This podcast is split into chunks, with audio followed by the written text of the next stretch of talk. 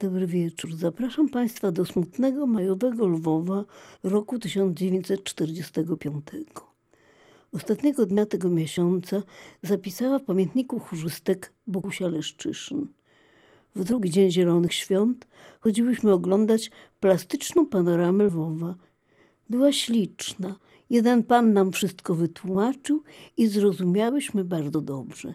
Poznałyśmy bardzo dobrze nasz stary, kochany Lwów a potem szłyśmy ulicami, którymi kiedyś biegły mury Lwowa i z tego wszystkiego zobaczyliśmy, jaki nasz Lwów był mały, ale śliczny.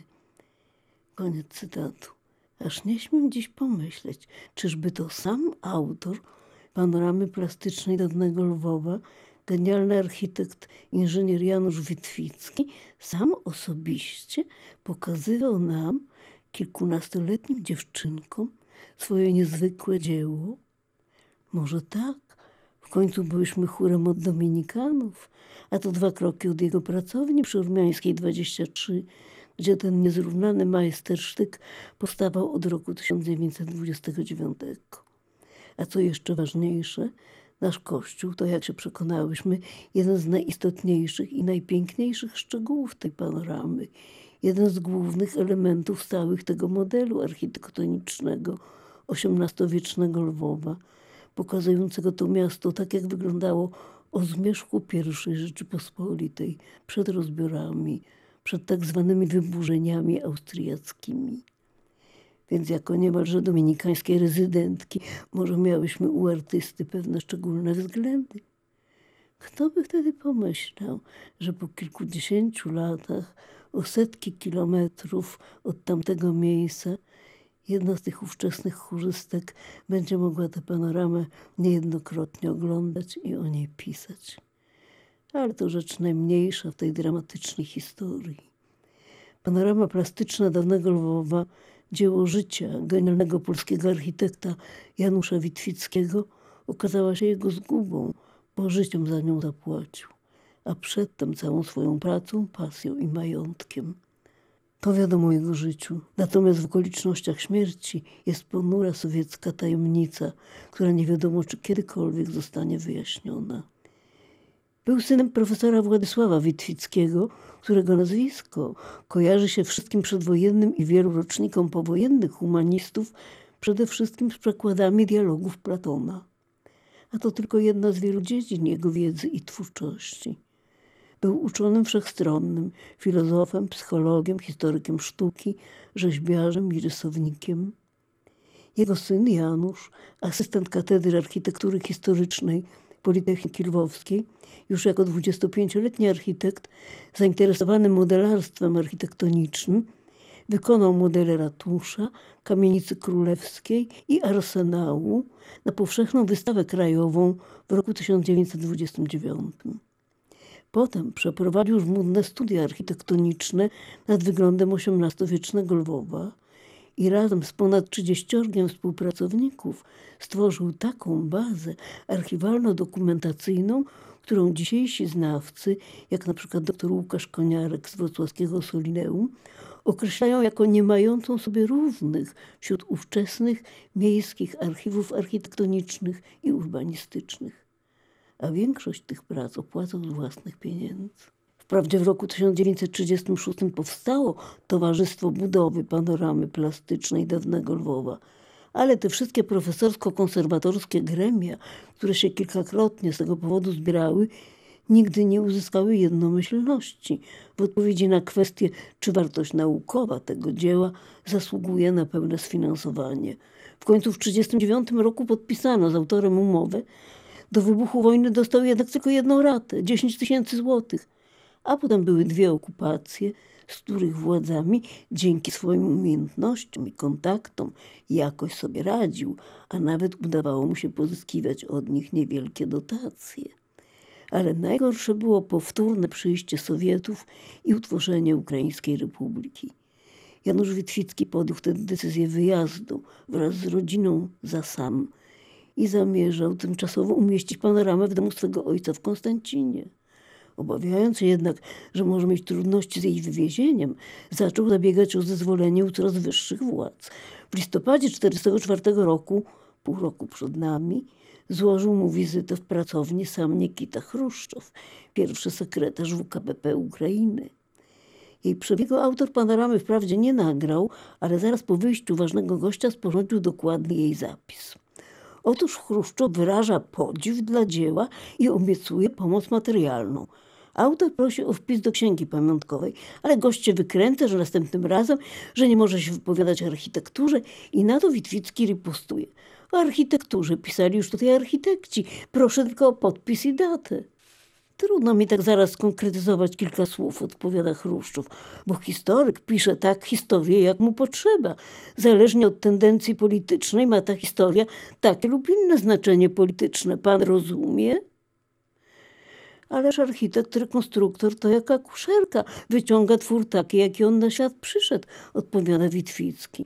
Architektura to kamień, surowy materiał dla propagandy. Otóż właśnie kamień, i to fundamentalny, podchwytuje metaforę Chruszczów. W badaniach archeologicznych dużo zależy od tego, za czym się robi poszukiwania i kto je przeprowadza. A pan jest Polakiem.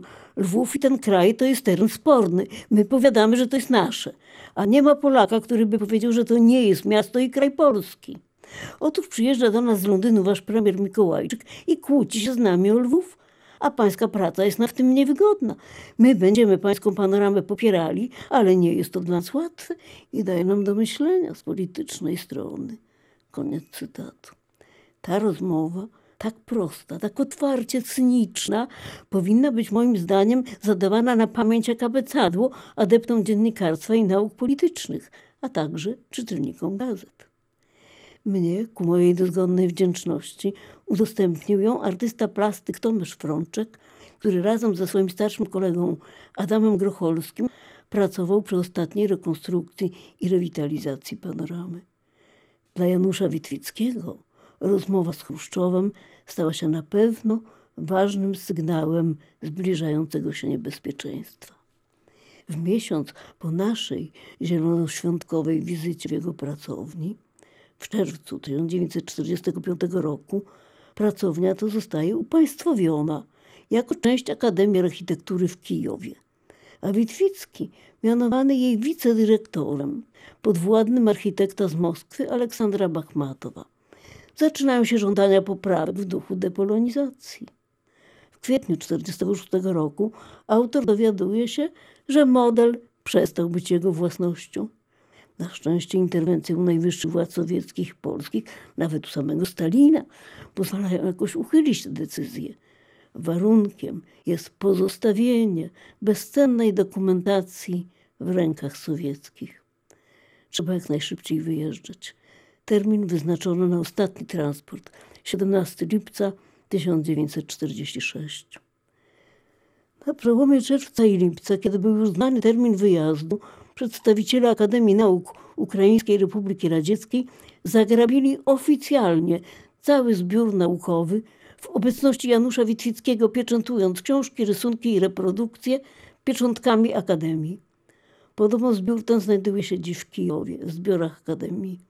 Napisał inny, znany i zasłużony lwowski architekt, miłośnik i piewca Lwowa Witold Szulginia opierając się na opracowaniu biograficznym inżyniera Michała Witwickiego, stryjecznego brata Janusza, późniejszego opiekuna panoramy, rzeczoznawcy i współorganizatora tej renowacji. W przeddzień wyjazdu odwiedzają Witwickiego w pracowni trzej mężczyźni, podający się za dziennikarzy czy historyków sztuki. Wychodzi z nimi i więcej nie wraca. Jego zmasakrowane ciało zostaje znalezione na zajutrz. Odbywa się parodia śledztwa i identyfikacji zwłok. Żonie zostaje pokazana ręka przez szybę w drzwiach. Trumny nie wolno otworzyć. W jednym z umundurowanych NKWDzistów prowadzących śledztwo wdowa rozpoznaje jednego z tajemniczych gości. Pogrzeb na cmentarzu Łyczakowskim odbywa się 22 lipca 1946 roku. Nas już w Lwowie nie ma. Po dwóch tygodniach Irena Witwicka wraz z córkami i bagażem wyjeżdża za sam. Do dziś nie wiadomo, czy twórcę panoramy zamordowano na polecenie z Moskwy, czy z inicjatywy lwowskich NKWDzistów. Jeszcze jedna z niewyjaśnionych tajemnic. A co dalej z panoramą? Najpierw pomaga w jej ukryciu w Warszawie profesor Stanisław Lorenz. Potem profesor Jan Zachwatowicz ukrywa ją w jednej z zakamuflowanych piwnic na Wydziale Architektury Politechniki Warszawskiej. Bo ciągle istnieje obawa, że Sowieci mogą się o nią upomnieć. W roku 1973 profesor Zachwatowicz odchodzi jednak na emeryturę. I wtedy tajny depozyt przejmuje profesor Olgier Czerner, dyrektor Muzeum Architektury we Wrocławiu. Ale tu niestety w roku 1987 lub 8 skrzynie z niewiadomych powodów zostają otwarte i umieszczone w miejscu ogólnie dostępnym. Ginie wówczas kilka najcenniejszych modeli, w tym cztery wykonane przez samego Witwickiego.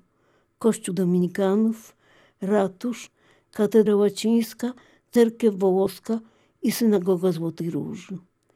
Oburzona wdowa odbiera ocalałą resztę. Tym razem życzliwą pomocą służy serdeczny kresowianin, ksiądz dr Józef Pater, dyrektor Muzeum Archidiecezjalnego. Ale to oczywiście nie koniec wędrówki, to tylko z serca udzielone przytulisko. Z inicjatywy rodziny Witwickich dwa utracone modele, katedrę i ratusz, rekonstruuje wybitny modelarz krakowski Ireneusz Pudełko.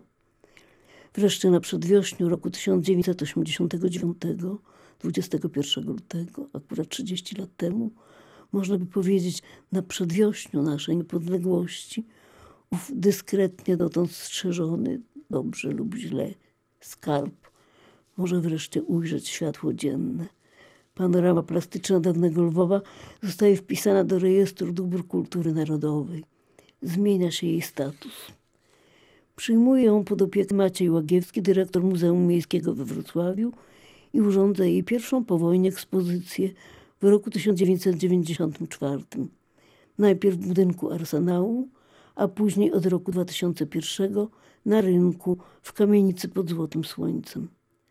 Tam ją oglądam drugi raz w życiu, po 49 latach, ze ściśniętym gardłem, nie dowierzając własnym oczom i nie mogąc jednak zrozumieć, dlaczego nie ma kościoła dominikanów, jak to przecież był.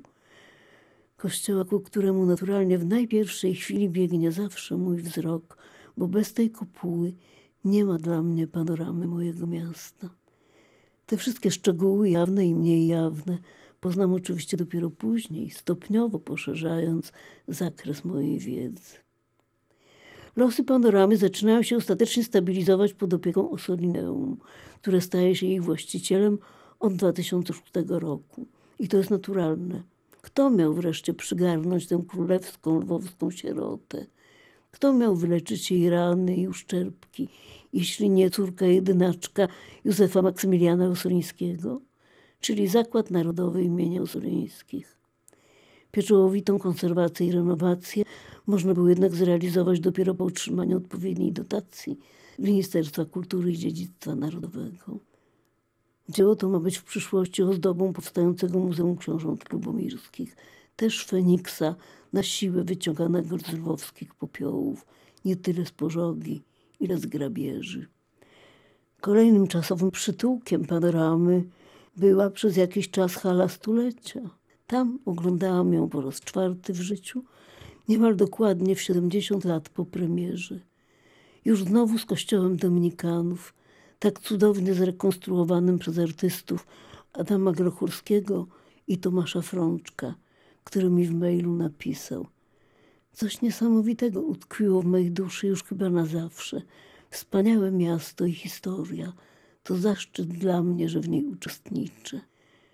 Ktoś z piszących o dramatycznych losach dzieła Janusza Witwickiego nazwał je Odyseją. Ale akcja Odysei kończy się w Itace, prawdziwej ojczyźnie Odyseusza. Nasze Odyseje kończą się na wygnaniu.